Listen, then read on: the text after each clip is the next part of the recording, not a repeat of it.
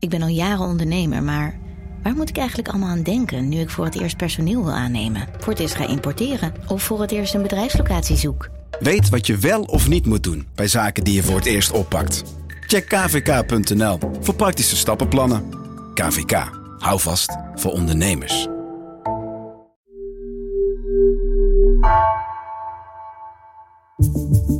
Vanaf de redactie van NRC het verhaal van vandaag. Mijn naam is Floor Boon.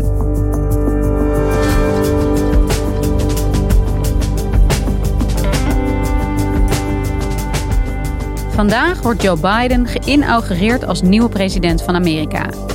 Hij erft een land in crisis. De coronabesmettingen lopen hard op. Economisch gaat het slecht en de Amerikaanse bevolking is tot op het bot verdeeld. We've got to restore this country's soul. Wie is Joe Biden? En hoe gaat hij het verdeelde land helen? This is the time to heal in America. Amerika-redacteur Marijn de Waal is in Texas en bereidt zich voor op de ongewone ceremonie.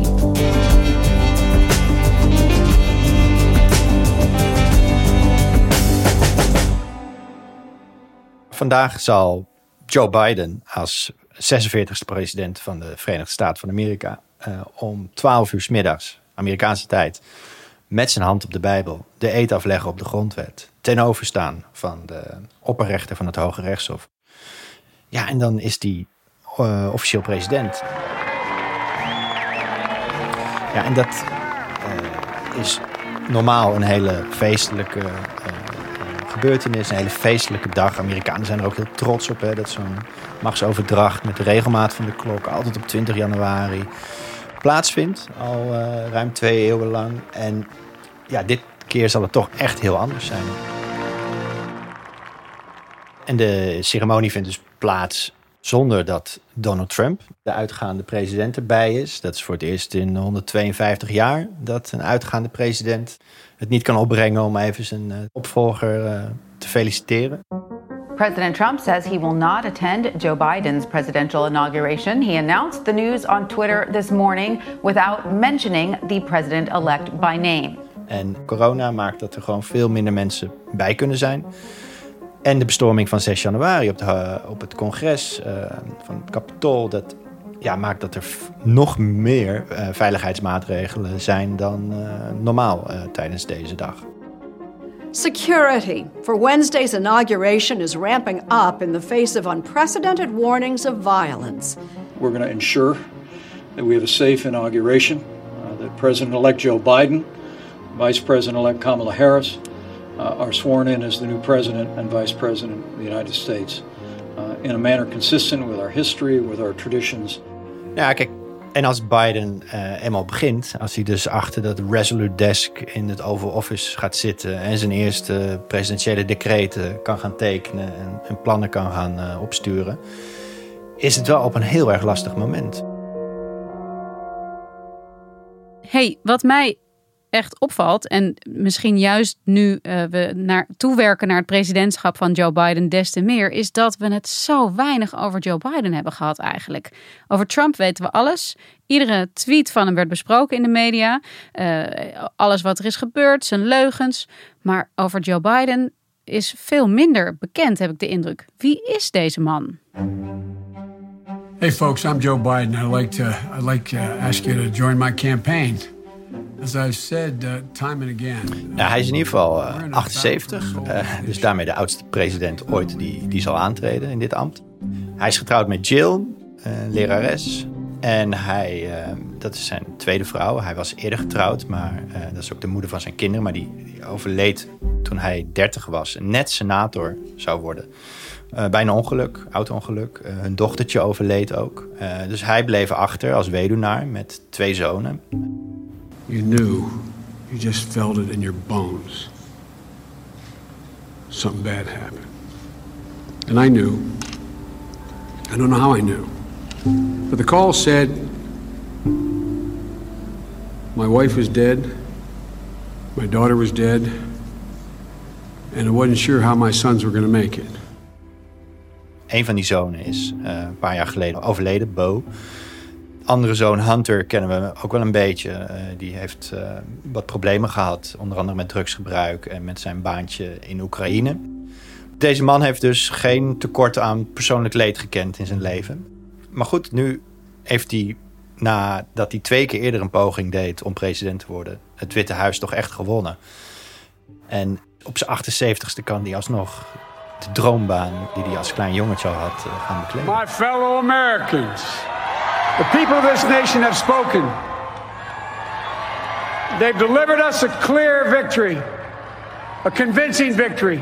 And I'm humbled by the trust and confidence you placed in me. Hoe staat Joe Biden politiek bekend? Hij zat 37 jaar in de Senaat voor Delaware, klein staatje in het oosten. The youngest new face in the U.S. Senate next year will be that of Democrat Joseph Biden of Delaware. I expect these fellows are going to uh, uh, eventually uh, judge me on my merit, not on my age, and uh, I have to establish that merit, assuming there is any there. I don't think it's going to be much of a problem. En vervolgens is hij nog acht jaar vicepresident geweest. Daar kennen de meeste mensen hem uiteraard van, uh, onder uh, Barack Obama. Uh, dus ja, hij kent Washington behoorlijk goed, kunnen we zeggen. Hij is door Obama destijds eigenlijk aangezocht om vicepresident onder hem te worden. Juist vanwege die ervaring op, op Capitol Hill. Hè. Hij moest voor Obama zeg maar het oliemannetje worden. Dus de man die de contacten met de Senaat, met het Huis goed hield. Die zorgde dat wetgeving er doorheen kwam.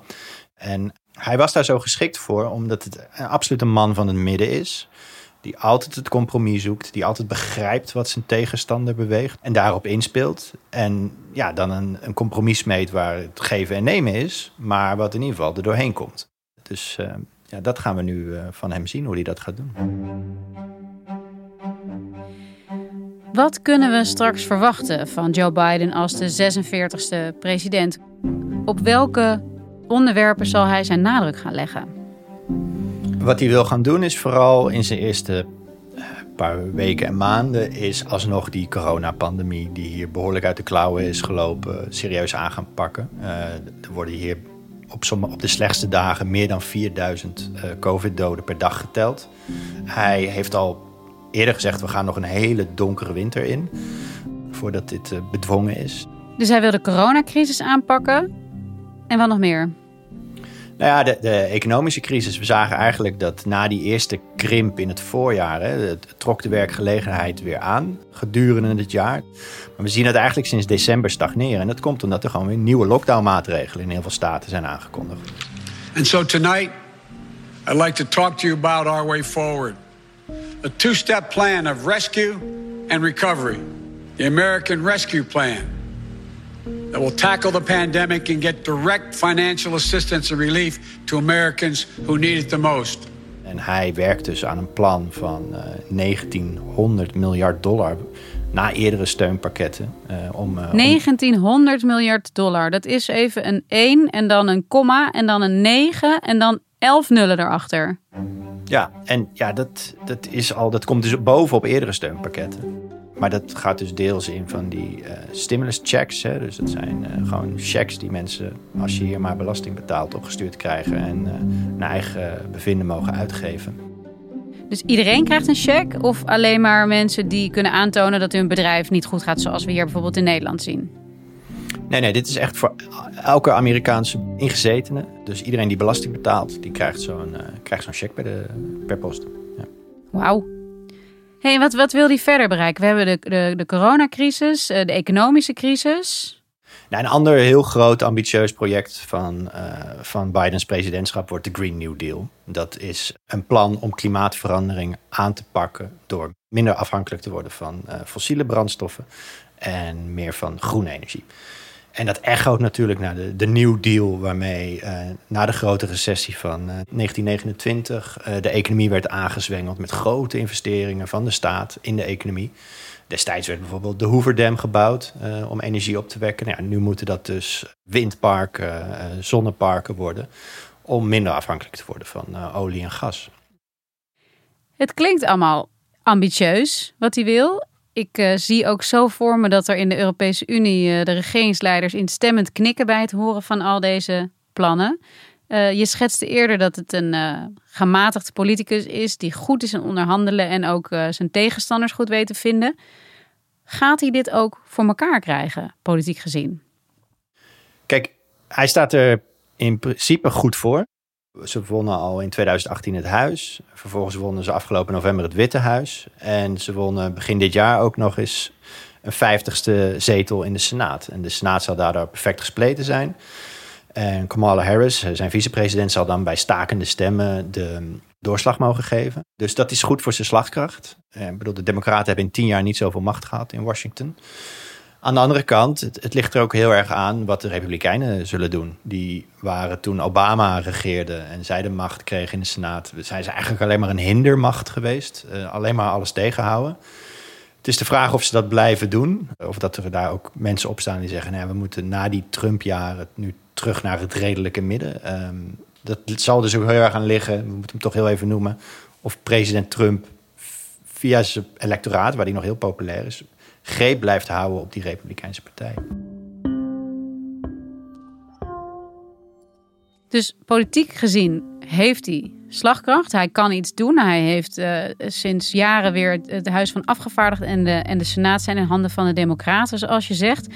Alleen tegelijkertijd zeg jij al, en we zien het overal, is de verdeeldheid in het land nog nooit zo groot geweest als nu. Nee, kijk, Biden is gekozen met uh, eh, 81 miljoen stemmen. Trump haalde er bijna 75 miljoen. Ja, dat, hij heeft dus ruim gewonnen met uh, eh, 7 miljoen stemmen verschil. Uh, aan de andere kant, een heel groot deel van die Trump-kiezers, echt tientallen miljoenen mensen, geloven de, ja, de aantijging dat deze verkiezingen gestolen zijn. Dat er ge, gesjoemeld is, dat er fraude is gepleegd en uh, dat Biden dus niet op legitieme wijze gekozen is. Maar goed, aan de andere kant, er zijn ook peilingen onder Republikeinse kiezers geweest. waar uh, toch ook wel een substantieel deel van de Republikeinse kiezers niet meegaat in die aantijgingen van kiesfraude. Dus die mensen zijn in, vanuit Joe Bidens perspectief nog niet compleet verloren. Die kan die, als die de COVID-crisis goed weet op te lossen, als hij de economie weet aan te zwengelen, als hij allemaal van die groene banen weet te scheppen die hij nu belooft, misschien ook wel voor zich winnen.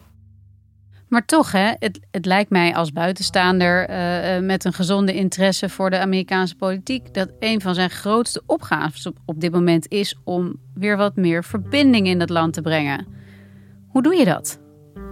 Ja, kijk, veel presidenten hebben dat natuurlijk beloofd. Hè? Ik bedoel, Obama voerde ook uh, campagne met de belofte. Er zijn geen blue states, er zijn geen red states, er zijn alleen maar de United States. En Biden heeft dat eigenlijk herhaald. Hè. Die heeft gezegd van uh, ik wil de ziel van Amerika helen. This is our mission. May history be able to say that the end of this chapter of American darkness began here tonight. As love and hope and light join in the battle for the soul of the nation. This is the time to heal in America.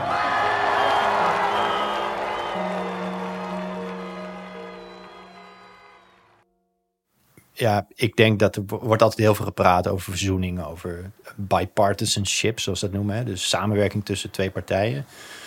De recente geschiedenis heeft toch gezien dat we eigenlijk elke keer alleen maar meer polarisatie kregen. Dus ja, als, als die trend doorzet, dan krijgt Biden het gewoon net zo moeilijk als, uh, als Obama het had bijvoorbeeld. En ook Trump had het natuurlijk heel lastig. Er waren ook tientallen democratische congresleden die niet naar de inauguratie van Trump gingen, omdat zij vonden dat hij niet had moeten winnen of niet terecht had gewonnen. Ehm, dus ja, die, die polarisatie die, die zal nog wel een tijdje doorgaan. hey, en heb je enig idee, wat is de verwachting dat Trump gaat doen? Nou, het is heel erg de vraag wat Trump gaat doen. Kijk, het lijkt erop dat hij in Florida gaat wonen, in Mar-a-Lago, zijn eh, privéclub daar in het zuiden. En dat hij daar eigenlijk gaat, uh, gaat beramen hoe hij uh, hoe die verder wil.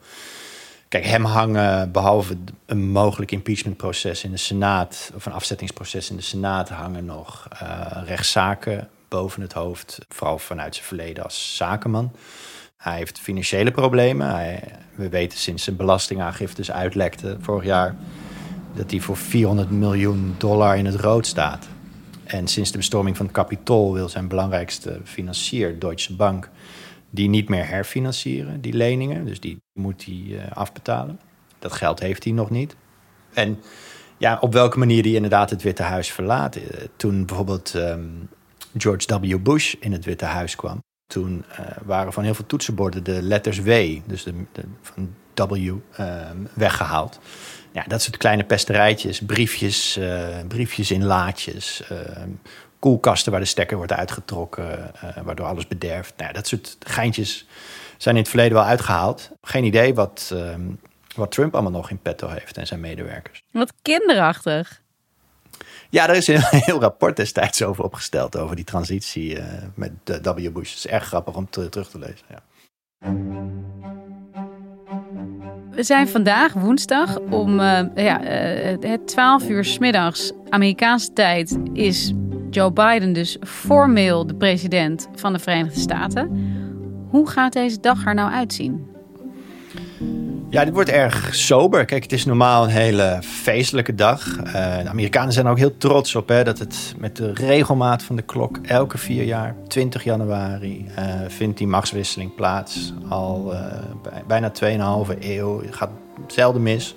Maar het moet grotendeels virtueel. Bijvoorbeeld normaal op inauguratiedag is het knokken om de beste kaartjes voor de inauguratiebowls. En uh, schrijven de kranten dagen van tevoren van... Ah, dat bal, dat gala wordt echt het beste, want daar komt waarschijnlijk de president zelf even langs. En dat is nu allemaal, is niet. Um, dus uh, er is s'avonds, in plaats van een bal, uh, is er een tv-show met Tom Hanks als presentator. Uh, ja, en voor de rest, ja, de Amerikanen zullen het dus ook via schermen, ofwel via internet of televisie moeten gaan volgen. En hangt er dan ook nog een dreiging van geweld in de lucht nadat we op 6 januari die bestorming van het kapitool hebben gezien? Nou, daar wordt wel rekening mee gehouden. In ieder geval, daar, wordt, daar is men op voorbereid. Washington maakt zich op voor de grootste veiligheidsoperatie uit de recente Amerikaanse geschiedenis.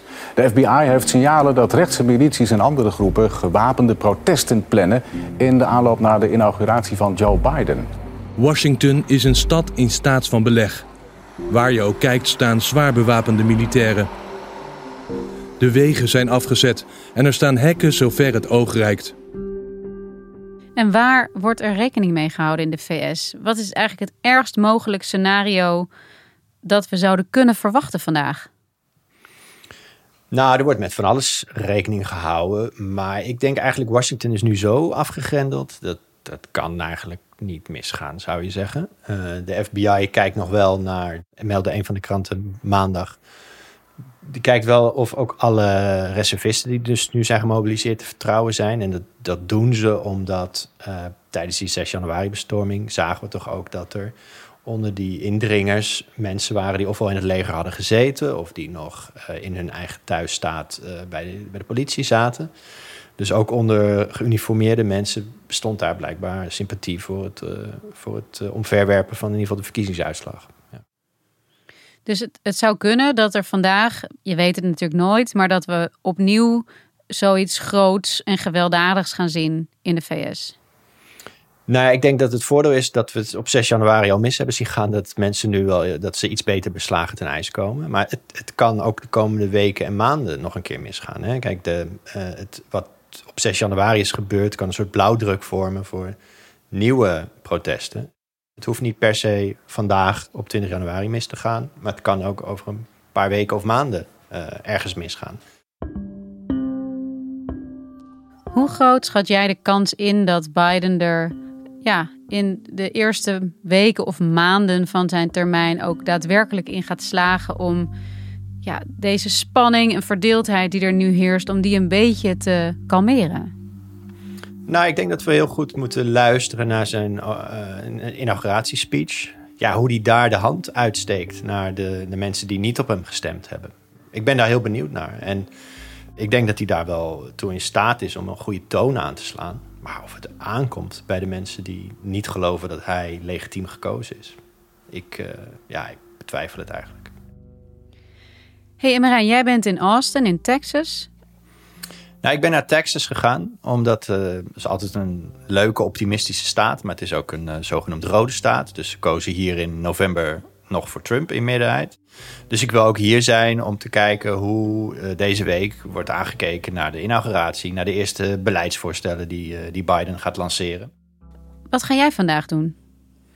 Ja, toch maar kijken bij het State Capitol. En kijken wat daar dan voor mensen op afkomen om ter uh, elfde uren nog een onvrede over de verkiezingsuitslag en Bidens winst kenbaar te maken.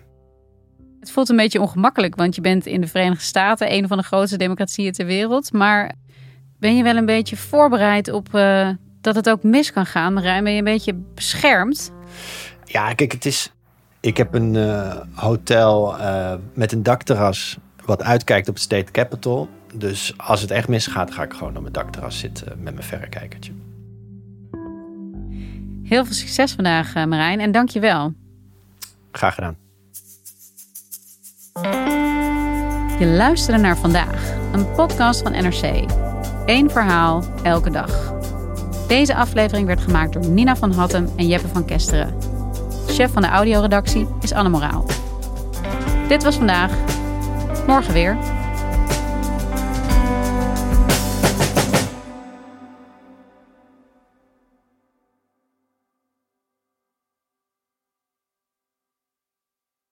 Technologie lijkt tegenwoordig het antwoord op iedere uitdaging. Bij PwC zien we dit anders. Als we de potentie van technologie willen benutten, kunnen we niet zonder een menselijk perspectief. Human-led, tech-powered noemen we dat. Ga naar pwc.nl.